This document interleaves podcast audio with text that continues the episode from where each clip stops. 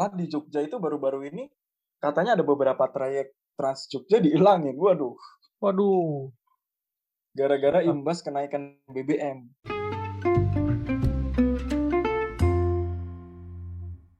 Halo pendengar Filsuf Abal, kita kembali di podcast Filsuf Abal setelah lama tidak upload. Sekarang kita upload kembali masih bersama saya Daniel dan Dino. Halo Bapak Daniel, apa kabar? Oke, baik dong. Gimana nih? Apa namanya kenaikan BBM berpengaruh apa di hidup Anda sekarang?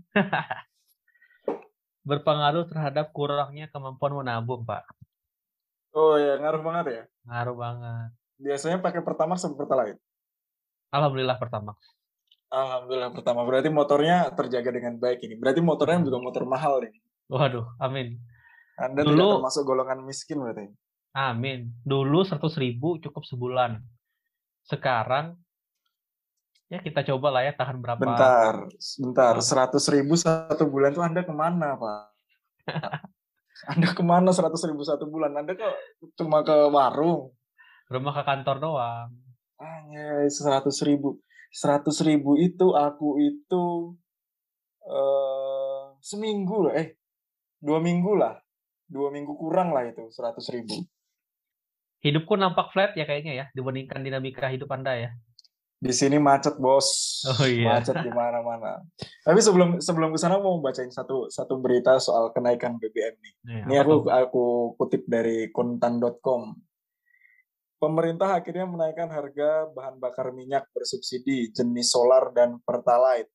Tak cuma itu, harga BBM non subsidi Pertamax juga dinaikkan. Kenaikan harga BBM tersebut berlaku mulai Sabtu pukul 14.30.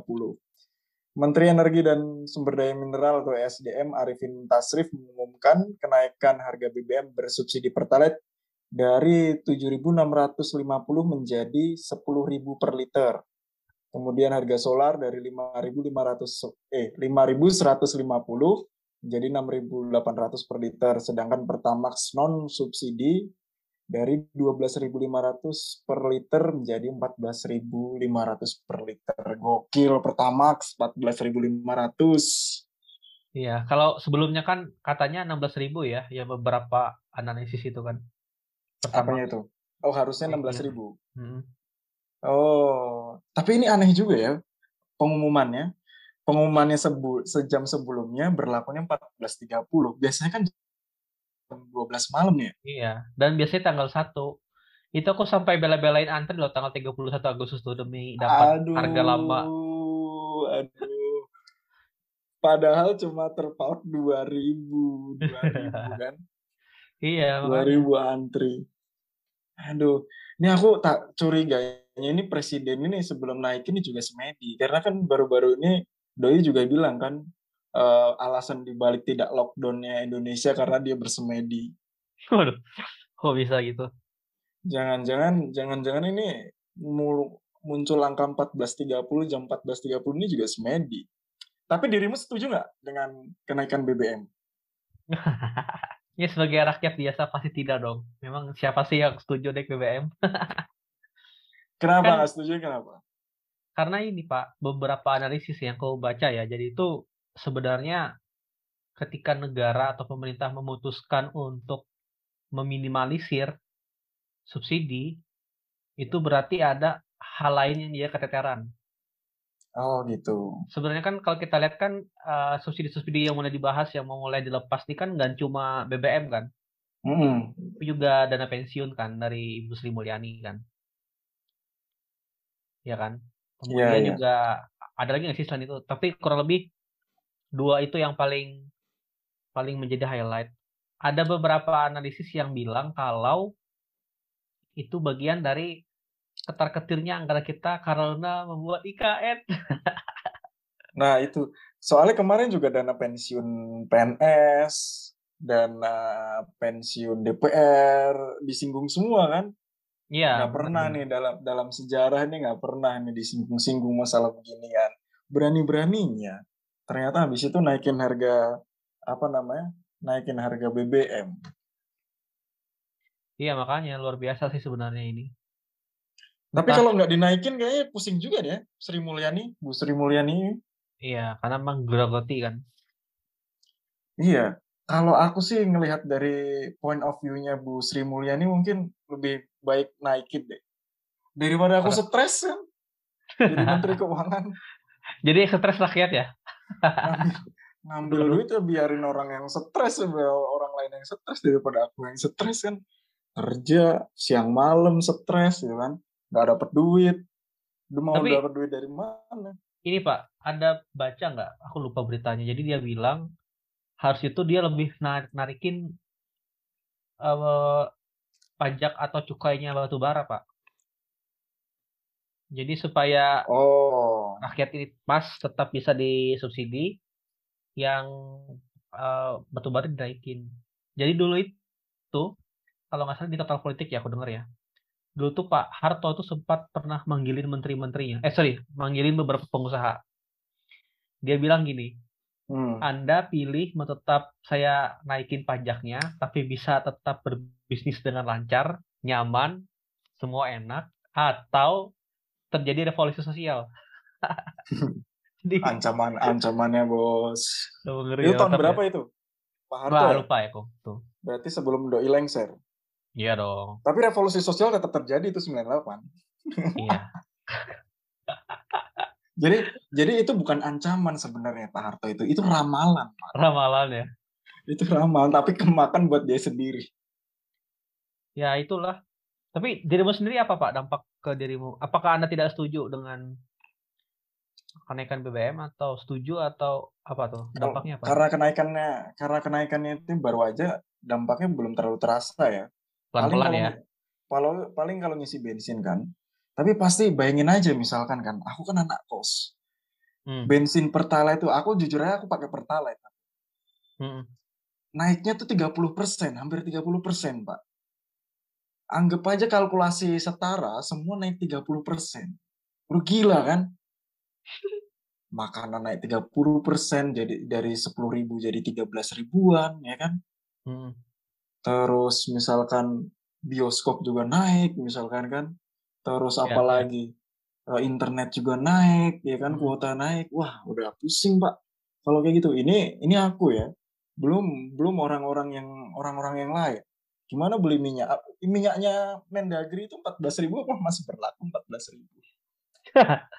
Tapi eh, Cosmo naik nggak udah? Enggak, enggak. Kalau kalau sini relatif stabil. Lebih. Jadi Hmm. kalau kos stabil dia. Eh, dari awal sampai keluar akan sama biasanya katanya gitu. Iya yang cukup berdampak nelayan ya kalau kita dengar ada berita-berita itu kan. Iya, ojol juga, Pak. Karena On- ojek iya online juga, ojek ojol, online. hmm, nelayan.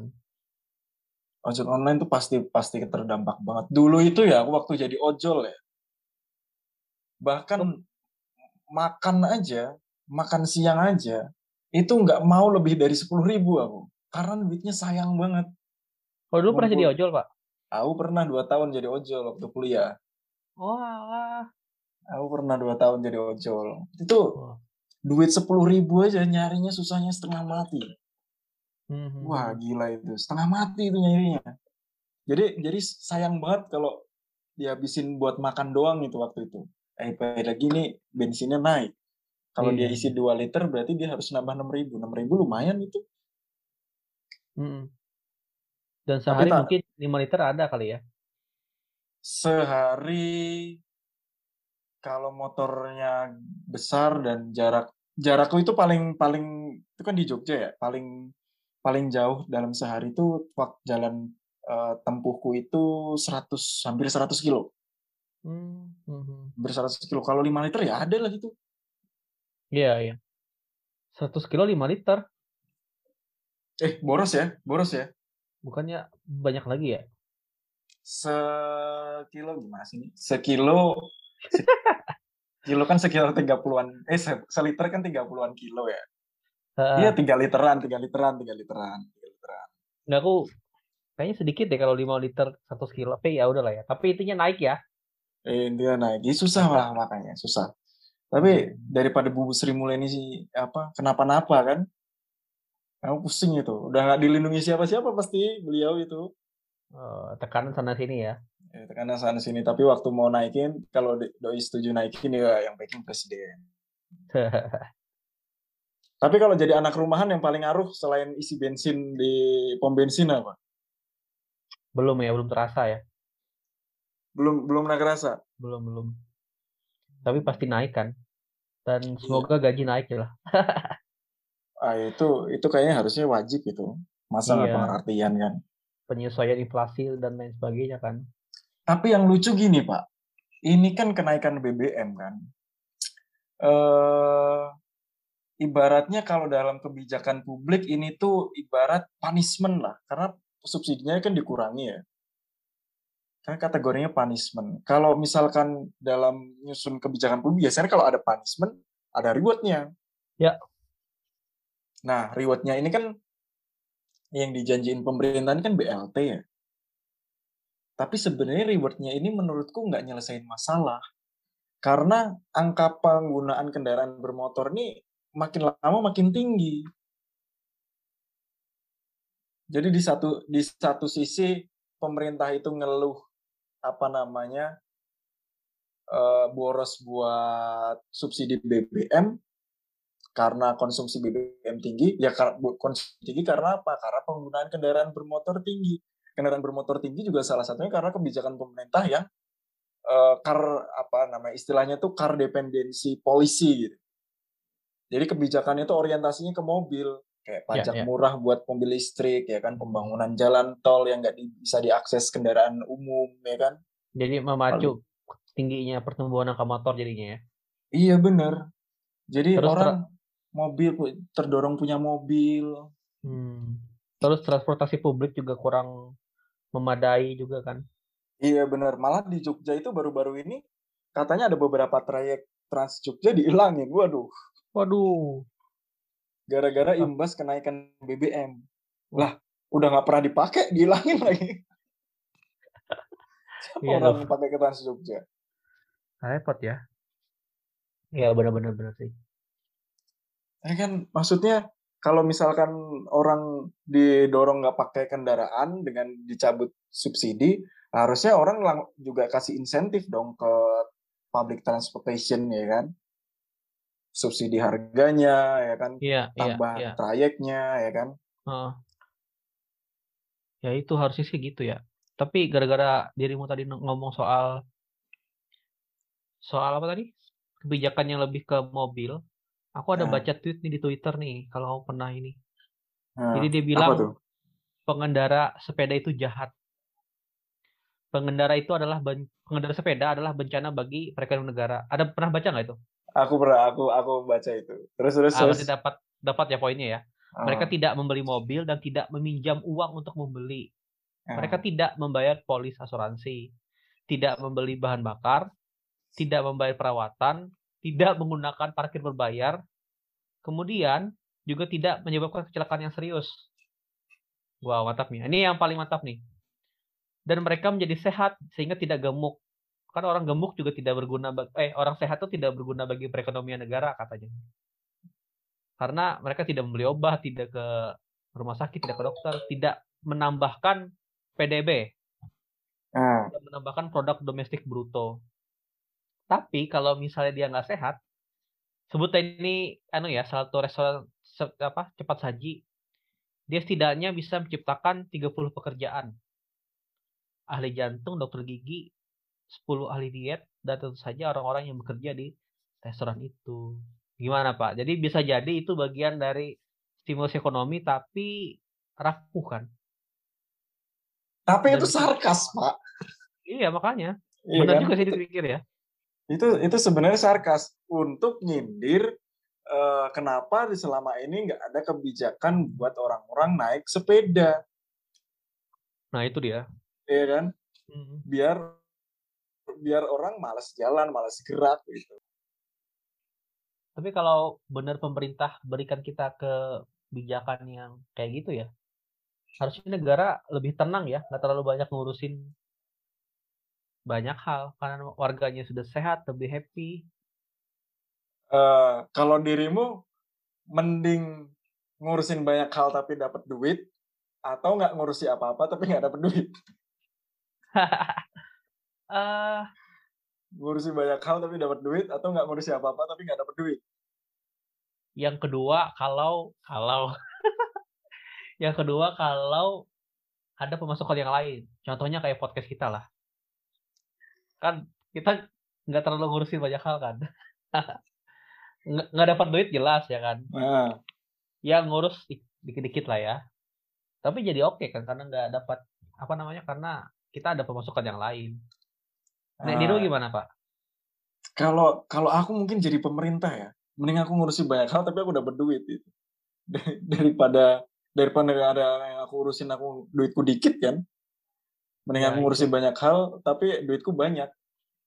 Itu karena mungkin frame entah pemerintah atau siapa pun lah ya framing atau kerangka berpikirnya adalah kapitalistik kan. Ya semuanya itu obsesi untuk bisa diangkakan kan kalau kita ngomong dari sudut pandang lingkungan ya hutan itu kan sekarang kan supaya dia tetap bisa terjaga itu dibikin akhirnya mau ngikutin logikanya kapitalis tuh loh. Gimana itu? Carbon trading misalnya. Ah. Dihitung ini berapa asalnya berapa hektar ini bisa menghasilkan berapa sih oksigen diuangkan gimana sih? Itu kan logika-logika kuantitatif banget kan, kapitalistik banget kan. Padahal sebenarnya pun ada banyak manfaat yang nggak perlu diuangkan atau dikomoditikan tapi tetap membawa untung besar loh. Oh. Jadi kadang-kadang Aduh aku gak enak ngomongnya tapi oh, negara tuh aja. Enggak, kan bisa di kalau nggak lupa. Oh iya. Negara nggak nyaman kalau mereka tidak membawa pengaruh atau tidak nyaman ketika ada sebuah kemandirian satu tempat. Ah, ngerti ngerti. Jadi memang negara ini, ini hobinya bayangkan, ngurusin semua urusan kan? Iya, bayangkan Pak, misalnya konsep suku Baduy itu terjadi di seluruh Indonesia ini. Hmm. Negara ngapain coba kerjaannya? Dia ngerayain ulang tahun Puan. Sama ulang tahun Bu Puan. Ngerayain ulang tahun Bu Puan.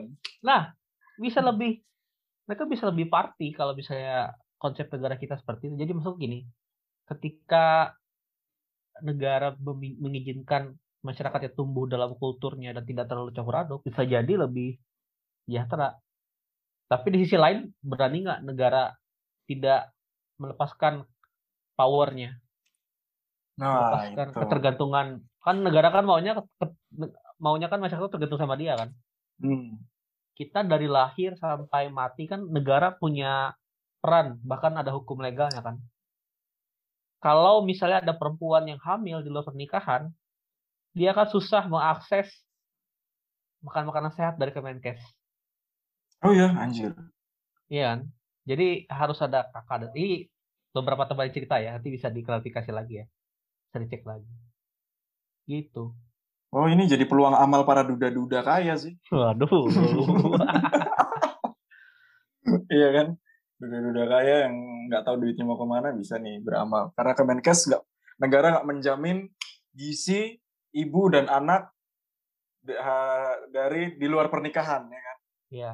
Ini misalnya yang tadi aku baru katakan tayang berarti Bapak Daniel sudah selesai proses editing ya dan sudah ngecek kebenarannya. Gak apa-apa, karena kita nggak menyebutkan satu institusi tertentu. Karena Pak tadi Pak oh. institusi. Apa? Loh kita kan ngomongin apa negaranya? Zimbabwe. Iya iya.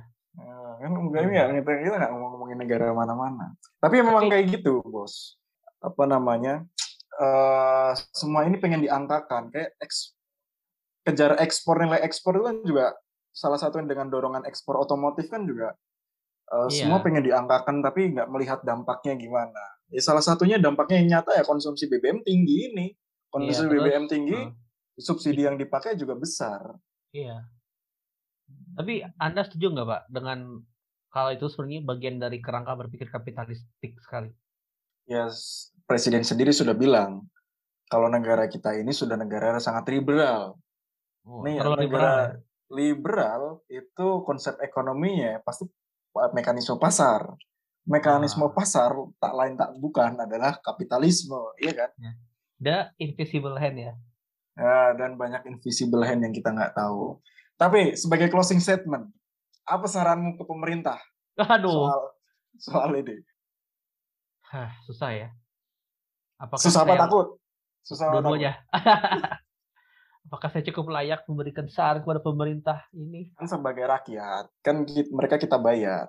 Layak dong dari sisi itu. Ini sih Bapak Ibu, kalau bisa diotak-atik lagi, beberapa pos apakah bisa tuh para oligarki atau pengusaha yang duitnya kebanyakan itu usahanya dipajakin lebih tinggi supaya subsidi tetap jalan. Dan Oh, biar duit lebih banyak ya ke rakyat ya. iya, masa sih Pak sudah berapa tahun masih masih melihat salah sasaran terus Pak BBM subsidi gimana Pak? Maksudku udah itu kan klasik banget nih. Harusnya kan dibuat tuh sistemnya gimana biar yang layak mendapatkan yang dapat kan. Dari zaman Presiden SBY lagi kan. Menteri Keuangannya sama lagi kan. Wah, itu dia. Kalau Anda gimana Pak? Kasih juga dong. Kalau aku sih ekonomi. Biar satu kebijakan itu memang bijak eh, yang dikeluarkan presiden sebaiknya memang presiden itu perlu perlu semedi lagi sih. Tuh, karena karena kebijakan dia tidak melockdownkan Indonesia waktu awal-awal Covid itu eh, dia klaim sebagai kebijakan yang tepat. Nah, siapa tahu kebijakan kenaikan BBM ini bisa dia klaim sebagai kebijakan yang tepat dengan beliau bersemedi. Nah, kalau aku itu Aman ya kira-kira ya? aman dong, aman dong. Aman. Ya semoga lah ya aman. Oke, kita kembali lagi di episode-episode selanjutnya. Terima kasih para pendengar. Terima kasih.